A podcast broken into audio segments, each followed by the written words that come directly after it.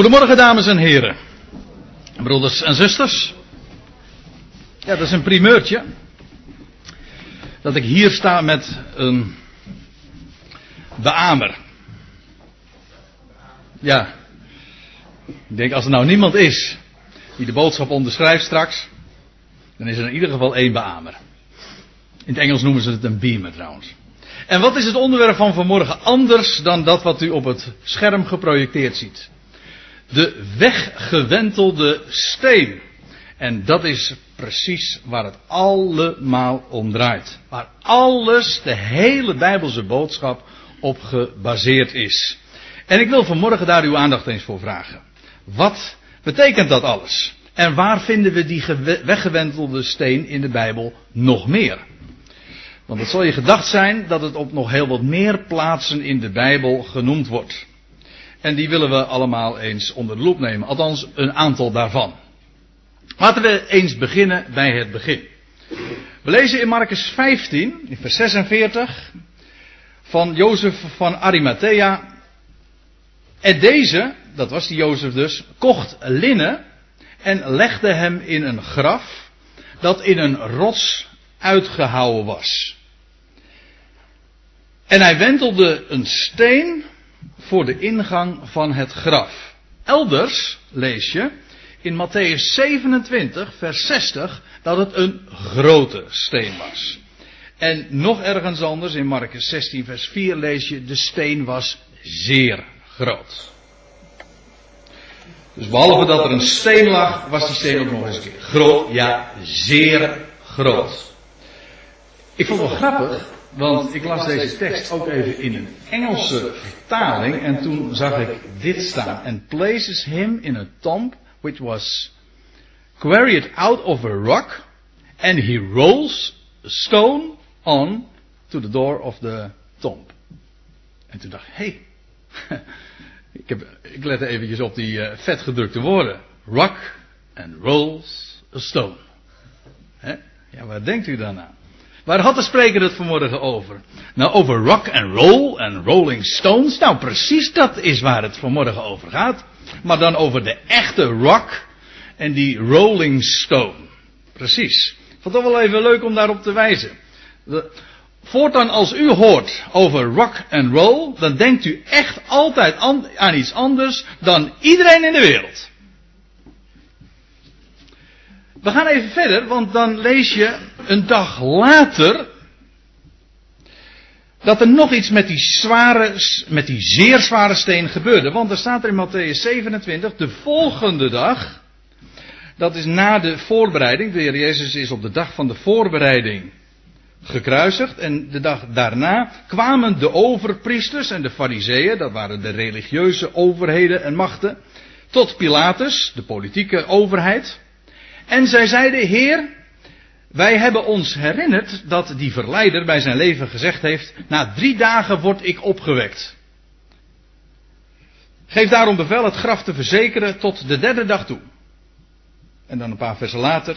Ze gingen heen en ze verzekerden het graf met de wacht na de steen verzegeld te hebben. Dus het was al zo dat er een zware steen voor het graf lag. Nu komt er nog iets bij, namelijk dat eh, er een wacht van een aantal soldaten bij dat graf geplaatst wordt. En, staat er nog bij, na de steen verzegeld te hebben. Het keizerlijke zegel lag, was bevestigd op die steen. En het was op straffen van dood dat die zegel verbroken werd. Heel grappig, vind ik ook grappig, ja dat dat juist zo gegaan is. Op straffen van de dood werd de zou de zegel verbroken worden. Maar het is precies omgekeerd. Want juist doordat de zegel verbroken werd, wordt de dood er niet gedaan. Dus een precies een omkering van wat de mens ermee beoogde. We lezen gewoon even verder in Matthäus. In Matthäus 28 zijn we dan inmiddels aangekomen. En dan staat er laat na de Sabbat. Nou ja, dat hebben ze iets anders weergegeven, want er staat laat na de Sabbatten. Ja, dat is een heel verhaal apart hoor, maar er waren namelijk twee Sabbatten achter één. Dan moet u het verhaal van Goede Vrijdag maar even vergeten. Ja, ik bedoel uh, dat het op een vrijdag was. Want er waren twee sabbatten achtereen. Een, de, de jaarlijkse sabbat. De dag van dat het Pesachfeest begon. Dat was een sabbatdag. De 15e Nisan. En vervolgens de wekelijkse sabbat. De zaterdag die daarop volgde. Nou, laat na de sabbatten. Tegen het aanbreken van de eerste dag der week. Stop. Eerste dag der week staat er ook niet. Er staat in de grondtekst. één der sabbatten. Dat is echt waar. Je kunt het overal nalezen. Het was weliswaar, naar mijn eh, overtuiging, ook inderdaad een eerste dag van de week. Daar gaat het nou even niet om. Een zondag. De dag na de Sabbat. Maar de uitdrukking in de Bijbel betekent zoveel meer. Eén der Sabbatten, dat betekent, kijk, u moet zich realiseren dat in die week van Pesach, ik kan daar niet te diep op ingaan, maar in die week van Pesach was er een dag van de eerstelingsscharven. En die dag van die eerstelingsscharven, dat was de dag dat de, de eersteling schoof van de gerstenoogst door de priester voor de heren in de tempel bewogen werd. En vanaf die dag moest men zeven sabbatten gaan tellen. Zeven keer zeven dagen. Dat wil zeggen dus 49 dagen. En na de 49ste dag breekt, wat dacht je wat? De vijftigste dag aan, dat is het wekenfeest. Oftewel, het, in het Grieks het Pinksteren. En Pinksteren betekent gewoon vijftigste. Eén der sabbatten, om een lang verhaal kort te maken, want het verhaal is, moet ik veel langer vertellen, maar het komt er gewoon op neer. Eén van de sabbatten betekent, het is het begin van de omertelling. Het, het is de dag, zo kun je het best onthouden, het is de dag namelijk van de eerstlingsschoof. Dat men sabbatten ging tellen. De eerste dag daarvan.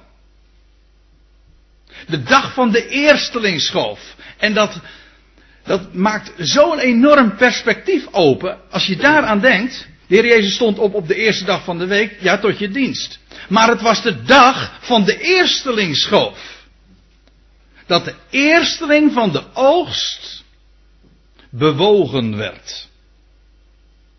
En uitgerekend op die dag stond de Heer Jezus op. En als eersteling, jazeker, we zullen dat later ook nog zien, als eersteling van hen die ontslapen zijn en uiteindelijk als garantie dat de dood totaal teniet gedaan zal worden. Goed, laat na de Sabbatten tegen het aanbreken van die eerste dag van de week, of beter een van de Sabbatten, ging Maria van Magdala en een andere Maria het graf bezien. Er waren trouwens nog een paar vrouwen bij, maar die worden hier niet genoemd. En zie, er kwam een grote aardbeving, want een engel, een boodschapper des Heren daalde uit de hemel neer en hij kwam neder, hij kwam nader, hij wentelde de steen, dat is die rolling stone, hij wentelde de steen en hij zette zich daarop. Zo van, wie zit? Ja, dat is ook zo. Wat mij betreft is dit ook zeer symbolisch allemaal. Als dat gebeurd is, de steen is weggewenteld, ja, dan is er rust. Maar, ja, hij wordt, er wordt er nog gezegd, het was een engel des heren. Hij, hij zegt helemaal niks. Ja, bij een latere gelegenheid wel. Maar een engel betekent gewoon een boodschapper. Nou zou je de vraag kunnen stellen, maar hij zegt helemaal niks. Maar dan lees je er toch overheen, want weet u wat nou de boodschap is? Gewoon, hij wentelde de steen weg. Dat is de boodschap. Dat is eigenlijk symbolisch of het embleem van de boodschap. En daarmee is hij, al zou hij helemaal niks meer gezegd hebben daarna, dan is de boodschap duidelijk. De boodschap die staat. De steen is weggewenteld. Daar gaat het allemaal om. En hij zette zich daarop. Trouwens, daarmee is ook precies gebeurd wat we lezen in Colossense 2, vers 15. Je leest daar, gaat het over de Heer Jezus Christus natuurlijk. Hij heeft de overheden en de machten ontwapend en openlijk tentoongesteld en zo over hen gezegevierd, getriomfeerd. Ik zei toch, die overheden en die machten, die hadden een wacht bij de graf neergezet. Dat was een steen, een zeer zware steen voor dat graf gerold. Vervolgens was die steen ook verzegeld het merk van de overheden en machten of dat nou godsdienstig was, of de politieke machten, al die overheden en machten hadden dat zo in het werk gesteld. De steen verzegeld. En dan vind ik het zo geweldig wat er gebeurde op, die, op één van de Sabbat. Op de dag van de eerstelingsschoof. Op de dag na de Sabbat. Dat de eersteling verrees. Dat de steen werd weggewenteld. En zo zette hij inderdaad dus de overheden en de machten te kijk. Ze werden ontwapend. En zo is de triomftocht van de eersteling, van de first. Nou, ik zeg het weer even in het Engels, want dan denk ik meteen ook aan de vorst, aan de voorste. Werd begonnen. De triomf is inderdaad ingezet. Trouwens, wil ik er nog even één ding bij zeggen. Die steen die werd weggewenteld. Het eerste idee dat je daarbij zou hebben is van, ja, dat is natuurlijk om de Heer Jezus, die verwekt werd uit de dood, om die uit het graf te laten gaan. Maar ik denk niet dat dat zo is. Dat blijkt wel, want bij die, op diezelfde dag nog, althans in onze termen zou dat dezelfde dag nog geweest zijn, voor de Joden ligt het iets anders omdat de avond begint bij zonsondergang. Maar dan lees je in Johannes 20, moet je opletten, toen het dan avond was op die eerste dag van de week, staat dan ook trouwens weer gewoon een van de sabbaten. Dus de dag van de eerstelingsschoof dus. En ter plaatse waar de discipelen zich bevonden, de deuren gesloten waren, uit angst voor de Joden, kwam Jezus en stond zo in hun midden. En hij zeide, shalom. Zoals de Joden dat nog steeds zo tegen elkaar zeggen, shalom. Vrede, zei u. Als er ooit een dag is geweest om te zeggen shalom, dan, is het, dan was het juist wel ook op die dag. Maar waar het me nu even om gaat, is de Heer Jezus die stond zo patsboom in hun midden. Terwijl de deuren gesloten waren. Dat wil zeggen, een gesloten deur was voor hem geen verhindering om toch in hun midden te verschijnen. Ik geloof ook niet dat die steen moest worden weggewendeld om de Heer Jezus eruit te laten gaan. Maar ik denk dat het veel anders is. We lezen in Matthäus 28 eventjes later wat we, van wat we zojuist al lazen.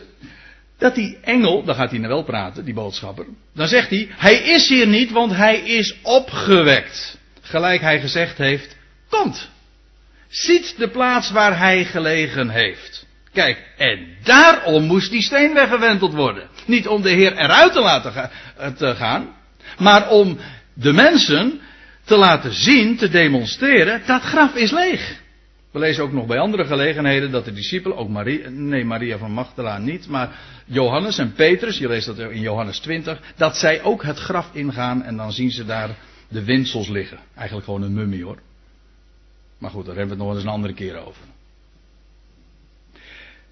En daar gaat het dus om. Dat die steen die werd weggewenteld als, als, een, als een daad ook van, van proclamatie van de, het graf is leeg. Hij is verrezen. En kijk maar, ziet de plaats waar hij gelegen heeft. Nou, daar gaan we even wat verder. Want rollende stenen, die vinden we in de Bijbel, ik zei het in aanvang al even, rollende stenen vinden we in de Bijbel wel vaker. En ik ga u er vier voorbeelden van geven. Om te beginnen. De eerste. Ja. In Johannes, pardon, in Genesis 29. De geschiedenis van Jacob. Dan lees je dat hij inmiddels is aangekomen daar bij zijn oom Laban, of bijna daar is aangekomen. En dan lees je dat Jacob daar rondkeek. Toen hij Jacob daar rondkeek, zag hij een put in het veld. Hele aparte geschiedenis. En zie, drie kudden kleinvee waren daarbij gelegerd. Want men placht de kudden uit, de, uit die put te drinken. De steen op de opening van de put was groot. Hé. Hey. Gaan lichtjes branden. De steen op de opening van de put, de mond van de put, want een put heeft een mond in de Bijbelse termen. Ja, er komt water uit, maar water is een beeld van het woord en dan begrijp je ook meteen waarom het de mond genoemd wordt. Goed, de steen op de opening van de put was groot. En dan even later in datzelfde gedeelte. Toen zeide hij, Jacob dus, zie het is nog volop dag. Eigenlijk bestaat er, de dag is nog groot. Dat zou dus gewoon ook nog de ochtend van de dag geweest kunnen zijn. De dag is nog groot. Het is nog geen tijd dat de kudde bijeengedreven wordt, drenkt het vee en gaat het weer weiden. En dan zeggen zij, dat kunnen wij niet. Want, wat stond er, ook alweer, de steen op de opening van de put was groot. En ze konden hem dus niet wegrollen. Dat konden ze niet. En terwijl hij, Jacob, nog met hen sprak, kwam Rachel eraan met het kleinvee van haar vader, want zij was een herderin. Zodra Jacob, Rachel, de dochter van Laban, de broeder van zijn moeder, zag, en het kleinvee van Laban, de broeder van zijn moeder, uh, pardon, uh, ik, zeg, ik lees nu verkeerd voor. Uh, toen hij dat zag, en het kleinvee van Laban, de broeder van zijn moeder, trad Jacob toe, wentelde de steen van de opening van de put en drenkte het vee van Laban. Heel eigenaardig, want wij hebben altijd maar het idee, die Laban, of die Jacob, dat was een beetje een, een mietje, zo wordt hij voorgesteld. Als een, als een huisman, een huiselijk man. Ja, maar wat dacht je hier? Die, al die kerels bij elkaar, die konden die steen niet wegwentelen. Maar hier bij Jacob ziet Rachel. En hij wentelt die grote steen zo van de opening van de put. Mooi hè? Dat doet hij dan toch maar. En op dat woordje wentelen, daar wil ik nog even ingaan. Want daar staat, er is een plaats in de Bijbel dat heeft die naam. Wentelen. Alleen dan in het Hebreeuws. En dat is Gilgal. Gilgal, dat is die plaats waar Israël arriveerde. Let goed op wat, hoe, wat en hoe ik het nu zeg. Is, Gilgal was de plaats waar het volk Israël arriveerde toen ze uit de Jordaan kwamen. Een beeld van de dood, de doodsjordaan. Toen ze uit de Jordaan kwamen, vervolgens werd het volk besneden en dan lees je toen werd de smaad, u kunt het nalezen in het meen van Jozua 3 of 4. Toen werd de smaad van Israël weggewenteld. En daarom noemde men die plaats Gilgal. Als je in het modern Hebreeuws heeft uh, Gilgal ook de betekenis, Gilgul. Ik weet niet of er hier mensen zijn die uh, modern Hebreeuws spreken, Ivriet. Maar Gilgul, weet u wat Gilgul betekent? Hetzelfde naam. Gilgal, dat is een ander woord voor wedergeboorte. Men verstaat er ook onder reïncarnatie, maar dat is dan weer, een, wat, weer wat verder van huis, zeg maar. Dat is het, een vervormd idee van wedergeboorte, maar dat is wat Gilgal gewoon betekent. Ja, de plaats die men bereikt in het beloofde land nadat men de Jordaan is doorgegaan. Gilgal. Dat is wentelen. Ziet u dat niet alleen die steen, want stenen spreken in de Bijbel, hè? Ja, daar gaat een enorme sprake uit van stenen. Maar ook dat Hebreeuwse woord voor wentelen, dat heeft al in zich dat nieuwe leven. Dat spreekt van Gilgal, dat spreekt van voorbij de Jordaan. Maar het betekent gewoon uh, de cirkel. Het heeft ook iets te maken met dan, zoals de Engelsen dat noemen. Wat ben ik toch Engels vanmorgen? Hè? Maar de circle of life. Hè? De kringloop van het leven. En dat, dan ben je uiteindelijk weer terug bij af. Hè? Een mens wordt. Hij was er niet. Vervolgens wordt hij geboren. En hij leeft. En hij, komt, hij is op een gegeven ogenblik weer terug bij af. Dan is hij niet meer. Maar het idee bij rollen is, dan gaat de kringloop verder. Recycling zeggen ze dan. Ook nog eens een keer Engels. Recycling. Dan gaat de cirkel weer verder. Dat is de kringloop. Vandaar, dat is ook waarschijnlijk de associatie met dat gilgal. Wentelen. Wedergeboorte vandaar. Nou, hoe dan ook. Jacob wentelde de steen van de opening van de put en hij drenkte het vee van Laban. Nou wil ik daar toch even een paar, een paar dingen even over kwijt. De verzameling van die kudde bij de bron, dat spreekt van het toekomstig vrederijk. Kijk, normaal gesproken die, die, die, werd die steen weggewenteld in de avond als alle kudden bij elkaar verzameld waren. Nou, het bijeen verzamelen van de kudden in de Bijbel, bij meer dan één gelegenheid spreekt inderdaad van het moment als de volkeren verzameld zullen worden voor de troon der heerlijkheid. Dus denk maar aan die schapen en die bokken bijvoorbeeld. Maar alle volkeren zullen verzameld worden bij de bron, bij Jeruzalem. In Jesaja 2 staat er dat alle volkeren zullen optrekken naar Jeruzalem, de bron. En dan zullen ze, laat ons optrekken naar het huis des Heren. Naar de God van Jacob. Ja, ja, naar de God van Jacob. En dan staat er, want van Zion zal de wet uitgaan en des Heere woord uit Jeruzalem. Daar gaan ze zich verzamelen. Al die kudden worden verzameld, daar bij de bron. Spreekt inderdaad van het vrederijk. Alles heeft in de Bijbel een dubbele bodem. Ja. Ja, ook deze bron heeft een dubbele bodem, ja. Want het spreekt inderdaad, althans de verzameling van die kudde spreekt van de verzameling van alle volkeren, het optrekken van alle volkeren naar Jeruzalem. Maar, nou komt het, geruime tijd voor, het voor die verzameling van de kudde, wordt bij, in deze geschiedenis de grote steen reeds weggerold. Met bovenmenselijke kracht, want daar komt het echt op neer. Wat Jacob deed, dat was bovenmenselijke kracht.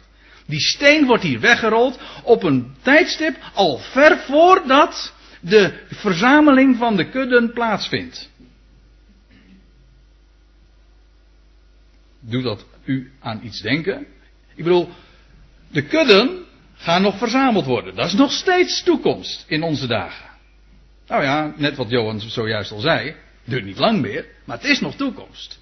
Maar al geruime tijd daarvoor is de steen weggewenteld. En dat was om een hele speciale reden, namelijk die kudde van Rachel. Dat, het gebeurde allemaal ter wille van Rachel en, en haar kudde. Die kudde van Rachel spreekt van het volk van eerstelingen. Dat reeds eerder mag drinken van het water des levens. Het spreekt gewoon van u en mij, die nu al drinken uit de bron. Van levend water. Toch? Wij drinken, als wij hier vanmorgen bij elkaar zijn, dan drinken we gewoon uit de bron van levend water. Van leven. Hoe komt dat? Eigenlijk is het zo, normaal gesproken zou je zeggen van nou ja, als de Messias komt en het Messiaanse vrederijk aanbreekt, dan wordt de steen weggewendeld. Nee, nee, er is een groep van eerstelingen die al eerder mag, daarvan mag drinken. En, dat is voor, en daar spreekt die kudde van Rachel inderdaad van. De weggewentelde steen. Dat is de eerste keer dat je leest in de Bijbel van een weggewentelde steen. En meteen openen zich alweer perspectieven en die allemaal vooruitwijzen naar die ene dag die zou aanbreken toen de steen werd weggerold. Die andere grote steen. En daardoor is er, dat, eigenlijk is dat graf gewoon een bron. Een bron van levend water. Waardoor wij gedrenkt worden. Waardoor we leven ontvangen. Trouwens, een hoofdstuk eerder lezen we al van Jacob. Jacob heeft wat met stenen. Ik geef u nu twee voorbeelden, maar we lezen nog veel meer over Jacob en stenen, want je leest namelijk een hoofdstuk eerder, dat is dus in Genesis 28. Jacob is op de vlucht voor zijn broer Esau. En dan lees je dat hij zijn hoofd legt op een steen. En als hij zijn hoofd legt op een steen, dan gaat hij slapen. Dan zou je in die omstandigheden waarin hij verkeerde denken van, hij krijgt een vreselijke nachtmerrie. Nee, dat kreeg hij niet. Hij kreeg een visioen van Gods wegen. En ik kreeg geen enkel verwijt te horen van Jacob, Jacob, waar ben je nou toch weer mee bezig? Ik, hij kreeg alleen maar beloften. Die hielenlichter, hè? zeggen we dan. Hij kreeg alleen, de God geeft zijn belofte. God bevestigt zijn woord, wat hij ooit al had gegeven aan, aan, aan zijn grootvader Abraham en zijn vader Isaac. En dan lees je, de volgende morgen vroeg, paasmorgen zeg ik dat nog een keertje. De volgende morgen vroeg nam Jacob de steen. Dus hij had zijn hoofd gelegd op die steen. En hij ziet een visioen. Hij ziet een visioen, ja. En hij ziet hemel en aarde verenigd door een, door een stenen trap. Want dat was het eigenlijk hoor. Het was een stenen trap. Het was geen ladder. Wij denken aan een of andere hout of aluminium constructie of zo. Nee, het was een, een trap. Een verbinding tussen hemel en aarde. En hij ziet hemel en aarde verenigd. Ja. En dan, en dan, zegt, dan realiseert Jacob zich dat er met die steen iets bijzonders was. Waar hij zijn hoofd op gelegd heeft. De steen spreekt altijd van de zoon van God. Zeg ik nog eventjes erbij. Want het Hebreeuwse woord voor steen dat is Eben. Denk maar aan Eben Haezer. Steen der hulpen. Maar Eben, daar zit het woordje ben in. En ben betekent zoon. Benjamin. Of Ben-Oni. Of, nou ja, er zijn zoveel namen die daarmee uh, mee te maken hebben. Ben, dus de zoon. Eben spreekt van de Ben. Dat wil zeggen van de zoon. Goed. De volgende morgen vroeg nam Jacob de steen die hij onder zijn hoofd gelegd had, stelde die tot een opgerichte steen. Dat wil zeggen, die steen die lag daar, maar hij doet die steen opstaan. En vervolgens staat er, hij goot er olie, olijfolie, bovenop. Olijfolie, dat spreekt in de Bijbel ook altijd van leven. Als iemand ziek is of doodziek is, dan werd hij gezalfd met olie. Olijfolie heeft ook geneeskrachtige werking. Het komt ook voort uit een boom die nooit doodgaat, een olijfboom. Het kan duizenden jaren oud worden. Men zegt het is een zich regenererende boom. Regenererend betekent trouwens ook gewoon wedergeboorte. Gewoon, het overwint gewoon de dood. Nou, olie is dat spul wat daaruit voortkomt. Waar ook koningen en priesters mee gezalfd werden. Weet u wat Jacob deed? Hij zet die steen, steen overeind. Hij doet die steen opstaan. Vervolgens maakt hij die steen tot een gezalfde. Mashiach, tot een Mashiach. Een Messias. Tot een Christus. Dat is wat Jacob deed. De steen wordt overeind gezet. Hij doet die steen opstaan. En hij maakt die steen tot een gezalfde. 2000 jaar later zou Petrus op het tempelplein zeggen van deze Jezus die jullie gekruisigd hebben, zegt hij daar tegen de Joden die daar om hem heen staan en die luisteren naar zijn toespraak. Deze Jezus die jullie gekruisigd hebben, heeft God en tot Heer en tot Christus, tot gezalfde gemaakt. Want juist uit hoofden van zijn opstanding uit de doden is hij de gezalfde, is hij die opgestaan. Daar heeft de steen allemaal mee te maken. En wat Jacob ervan geweten heeft, weet ik niet. Maar God heeft het wel, God weet het wel. En hij heeft het zo allemaal in de schrift prachtig laten optekenen. Dat woord is daarom met recht ook een woord van leven. Heel dat woord van de, van de eerste bladzijde tot de laatste spreekt van leven. Onvergankelijk leven. Goed. Voorbeeld 2. Dat is maar de eerste. Een heel aantal uh, boeken in de Bijbel dan weer verder. Dan zijn we in 1 Samuel 14 in de geschiedenis van Saul. Ik laat het hele verband eventjes gewoon voor wat het is. Het was op een van zijn krijgstochten. En dan lees je. En hij, de Saul dus, zeide: Gij bezondigt u. Dat zegt hij tegen het volk. Wentelt ogenblikkelijk een grote steen hier naartoe. Weer die grote steen die gewenteld wordt. En dan lees je, een vers later, twee versen later. Saul bouwde de heren een altaar, namelijk van die steen, die gewentelde steen. Hij maakt van die gewentelde steen een altaar. Dit was het eerste altaar dat hij voor de heren bouwde. Een steen. Kijk, een altaar in de Bijbel is een verhoging. Hè? Een altaar is gewoon een verhoging waarop een geslacht dier opstijgt of verrijst. Nou, uiteraard, als je daarover nadenkt, het spreekt daarom van opstanding uit de doden. Waarom? Kijk, eerst wordt een dier geslacht. Vervolgens wordt dat dier verhoogd op een altaar en het stijgt op goden tot een liefelijke reuk. Zo lees je dat in de Bijbel. En het verbaast me altijd een heleboel mensen, als ze het hebben over het altaar of over een offer, dan denken ze altijd alleen maar aan Golgotha. En dat deugt niet. Dat idee is niet, dat klopt niet. Want je mist daarmee eigenlijk de clue. Kijk, dat een dier geslacht werd, dat spreekt van Golgotha. Dat lijkt me nogal logisch. Maar wat daarna gebeurt, dat spreekt uiteraard van wat er na Golgotha plaatsvond. Namelijk dat hij verhoogd werd, dat hij verrees, dat hij opsteeg. En dat is voor God een liefelijke reuk. Golgotha was geen liefelijke reuk voor God. Nou, sterker nog, daar je leest dat God zijn aangezicht afwendde daarvan. Het werd niet voor niks duisternis in het hele land. Nee, die liefelijke reuk, die, die, dat, dat is gelegen juist in het leven dat hij aan het licht bracht toen hij verrees uit de dood, toen hij opsteeg uit het graf door vaders kracht. We hebben het zojuist gezongen. Nou, daar spreekt het altaar van. En kijk, die gewentelde grote steen, die onderstreept dat alleen maar. Want in wezen is het zo, die gewentelde grote steen wordt gemaakt tot een altaar, tot een verhoging. Dat wil zeggen, het spreekt van de opstanding van Christus. Vandaar dus een gewentelde steen. En of Saul dat geweten heeft, ach, het kan me niet eens schelen. Het heeft betekenis. Het is zo frappant dat als de Bijbel spreekt over gewentelde stenen, dan heeft, verwijst dat altijd per definitie naar hem die op de die eerste dag van de week, op de dag van de Sabbat, de dag van de eerstelingsschoof, inderdaad nieuw leven aan het licht bracht. Het derde voorbeeld, een bekendere, een veel bekendere.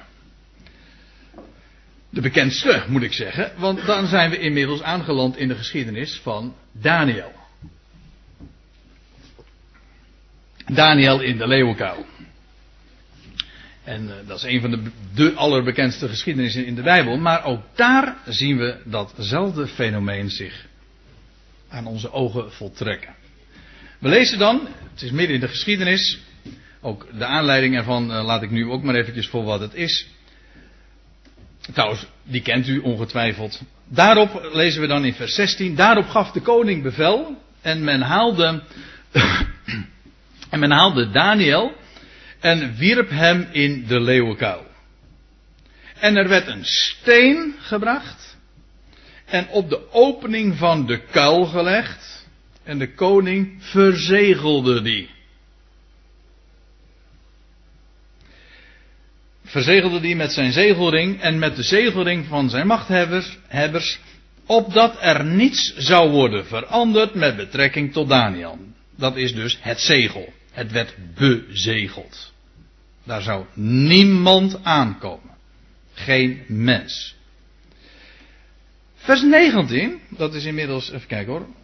Ja, weer een, een uh, vers heb ik overgeslagen. Dat kan je hè, met zo'n presentatie. Dat is het grote gemak ook hoor. Eh, bij het ochtendkrieken, toen het licht werd, stond de koning op, ging inderhaast naar de leeuwenkuil. En toen werd de koning ten. Nou, wacht even, ik, ik sla nu een heel aantal versen over natuurlijk. In vers 23. Toen werd de koning ten zeerste verheugd en hij gaf bevel dat men Daniel uit de kuil zou optrekken. Daniel werd uit de kuil opgetrokken en geenerlei letsel werd aan hem gevonden, omdat hij op zijn God had vertrouwd. Nou, ik zou haar zeggen. Vul het verder eh, zelf aan. Kleur het plaatje uh, zelf verder in. En dat is niet zo moeilijk meer als je inmiddels gezien hebt wat we tot dusver al hebben vastgesteld. Want wat je ziet is. Nou, uiteraard, die leeuwenkuil is, staat model voor de dood. Was gewoon een graf. Het was net zoiets als wat, wat eh, Mozes was overkomen als baby. Hij werd toen gegooid in, in de Nijl, weet u wel. Was eigenlijk ook, hij werd gewoon in de dood gegooid. Zo was het ook bedoeld. De Nijl was eigenlijk één groot graf. Nou, die leeuwkuil was ook een graf. Maar u weet, eh, uit de, uit de dood word je altijd weer uit, opgetrokken. Dat was met Mozes trouwens ook zo. Die werd ook uit het water getogen. Dat betekent zijn naam trouwens ook, Mozes. Hij werd aan de dood, hij ontkwam aan de dood. Niet doordat hij behoed werd voor de dood, maar hij werd gered door de dood heen. En dat is met Daniel ook. Hij werd, kijk, hij werd in die leeuwenkuil geworpen. En bij een latere gelegenheid, nee, op diezelfde dag dat hij daar weer uit opgetrokken wordt, lees je dat uh, al die mannen die ervoor hadden gezorgd dat hij in de leeuwenkuil geworpen werd, die werden er vervolgens, kwamen er zelf in. En uh, mocht je denken dat die leeuwen gewoon geen honger hadden gehad, nou, vergis je niet, want ze werden allemaal, uh, ogenblikkelijk allemaal verscheurd. Dus het is een heel wonderlijke geschiedenis. Daniel werd in die leeuwenkuil geworpen en als profeet van God. Hij werd gedood, hij kwam in het graf terecht. De steen voor de ingang werd bezegeld. Maar niettemin, bij het ochtendkrieken, toen het licht werd. Ziet u de parallellen? Toen het licht werd, bij het ochtendkrieken, komt de profeet, levend en wel, tevoorschijn, wordt hij uit de kuil, wordt hij opgetrokken en zo verschijnt hij. Hij heeft bij wijze van spreken de dood overwonnen. De steen is weggewenteld, die verzegelde steen, die is weggewenteld. En de dood heeft hij inderdaad overwonnen. Hij komt levend en wel tevoorschijn. Ziet u, weer zo'n weggerolde steen. Dan komen we uiteindelijk bij voorbeeld 4. Dat is trouwens nog steeds in Daniel, maar dan een paar hoofdstukken eerder. En dat is in die droom van Nebukadnezar. Daar was ook een heleboel om te doen. Maar Nebukadnezar had een, droom gehad. En hij was een droom vergeten. Maar Daniel, Daniel was, uh, herinnerde zich wel de droom die hij zelf uh, vergeten was. Uh, een beetje ingewikkeld. Maar ja, goed, zegt Daniel ook. ik, kan ik kan ook geen dromen verklaren of vertellen wat u gedroomd hebt. Maar ik heb een God toevallig. Ik heb een God. Iemand die werkelijk God is. En die is in staat om verborgenheden te onthullen. Nou, uh, dan gaat hij vertellen over dat beeld. Wat, die, wat, wat Nebuchadnezzar gezien heeft in die droom. Over het gouden hoofd, over dat, dat, die zilveren schouders en de koperen lendenen en de benen van ijzer. En dan staat er in dat gedeelte, ik ga er ook hier weer even gemakshalve vanuit dat u de geschiedenis enigszins kent. Terwijl gij bleef toezien, Daniel vertelt hier dus wat de, wat de koning ooit gedroomd had. Terwijl gij bleef toezien, raakte zonder toedoen van mensenhanden een steen los. Die gaat rollen. Het bleek dat hij trouwens, dat heb ik hier niet eens uh, laten zien, maar hij, hij, raakte los van een berg. Hij ging rollen en hij rolde dus uiteraard naar beneden. En dan staat er, en uh, de steen raakte los, die het beeld trof aan de voeten van ijzer en leem en deze verbrijzelde. En ze werden gelijk kaf op een dorsvloer. Uh, op een dorsvloer in de zomer. En de wind voerde ze mee, zodat er geen spoor meer van te vinden was. Maar de steen, die rollende steen dus, die het beeld getroffen had, werd tot een grote berg die de hele aarde vulde. En ook hier kan ik, is het weer niet moeilijk om te zien dat die steen spreekt inderdaad van de Zoon van God. Die straks van boven zal komen, inderdaad. Zonder enig toedoen van mensenhanden. Maar die gaat een eind maken aan de koninkrijken van deze wereld. En hij gaat zijn koninkrijk oprichten. En hij gaat zijn koninkrijk oprichten en hij gaat zijn koninkrijk uitbreiden. En er staat, en de, die steen, ja, die steen die, die, die rolde, dat steentje dat, dat ver, verbrijzelt dat, dat gigantische beeld wat uh, Nebuchadnezzar zag. Maar vervolgens werd die steen, ging groeien. Ik zei toch wel stenen spreken, maar stenen leven gewoon. Stenen groeien in de Bijbel. Die steen werd tot een grote berg die de hele aarde vulde. Hij werd maar groter, groter, groter. En hij vulde de hele aarde. Hij, je leest ook, we zingen dat trouwens ook in een lied, uh, lied 181 weet ik uit mijn hoofd, in de opwekkingsbundel. Hij, vanaf zijn troon vestigt de zoon zijn heerschappij. Hij gaat, hij gaat straks verschijnen in Jeruzalem, gaat hij de kudde verzamelen, weet u wel. En dan gaat hij zijn heerschappij vestigen. Eerst in Jeruzalem, in Israël, en hij gaat zijn koninkrijk uitbreiden. En dat wordt steeds groter. En het is allemaal gebaseerd inderdaad op de, de Rolling Stone. Op die weggerolde steen. Op dat geopende graf. Op dat leven dat hij aan het licht uh, heeft gebracht. En dat gaat heel de aarde vullen. Straks in dat vrederijk, maar in wezen nog steeds verder. Je leest het in 1 Korinthe 15. Het is eigenlijk net een steen. We blijven even bij het beeld. Een steen die in de vijver gegooid wordt. En er ontstaan kringen om en die kringen worden steeds groter. Totdat het niet ver, verder kan omdat het inmiddels de, de rand van de vijver heeft bereikt. Nou, dat is precies wat er gaat gebeuren met de steen. Met die rolling stone. Met de weggewentelde steen. Het leven gaat overwinnen.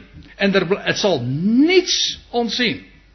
Er staat in de Bijbel in 1 Korinthe 15, zoals in Adam allen sterven, dat is universeel hè, zo zullen in Christus ook alle mensen worden levend gemaakt. De Bijbel zegt, hij zal de dood teniet doen. Weet je hoe hij dat doet? Weet je hoe hij de dood teniet doet? Door gewoon allen levend te maken. En als alle levend zijn, als het leven heeft overwonnen. U zegt, ja maar de Bijbel spreekt toch over oordeel en over de tweede dood. Jawel, maar de dood zal als laatste vijand worden teniet gedaan. Aan de voltooiing van Christus heerschappij. Dan zal er geen dood meer zijn. En dan zal het leven getriomfeerd hebben. Dan is er geen dood meer, dan is alles leven. Er staat in 1 Korinthe 15, want dat is het hoofdstuk bij uitstek dat daarover spreekt. En wanneer dit vergankelijke onvergankelijkheid aangedaan heeft, en dit sterfelijke onsterfelijkheid aangedaan heeft, dan zal het woord werkelijkheid worden dat geschreven is. De dood is verzwolgen in de overwinning. Zoals hier op deze aarde het leven, wat we leven noemen, want het is eigenlijk gewoon, nou Johan wees er ook al eerder even op, bij onze geboorte zijn we al bezig dood te gaan. We zijn gewoon stervelingen. We lopen met de dood in onze schoenen. We zijn stervelingen. De, de, het leven wordt hier verzwolgen door de dood. Wat we leven noemen. Maar leven met hoofdletters, dat is leven dat de dood achter zich heeft. Wel, dat leven gaat de dood er niet doen. Er blijft niets van de dood over. En dat is de overwinning. En wat er 2000 jaar geleden, even buiten de poorten van Jeruzalem gebeurd is, daar werd de steen weggewenteld. De weggerolde steen. En dat is de garantie dat het leven totaal zal overwinnen. De dood wordt teniet gedaan. En dat is de prediking, dat is de boodschap van die weggerolde steen. Ik stel voor dat we daarover gaan zingen. Ja, ik had zelf ook al een lied in gedachten, die ga ik straks projecteren, maar dat is toevallig. Precies hetzelfde, hetzelfde lied als wat ook uh, op deze, in deze bundel staat vermeld. Komt mooi overeen. Maar we zingen eerst het lied wat hier staat uh, afgedrukt. Ik prijs u Heer, God van het heelal, de vredevorst die komen zal.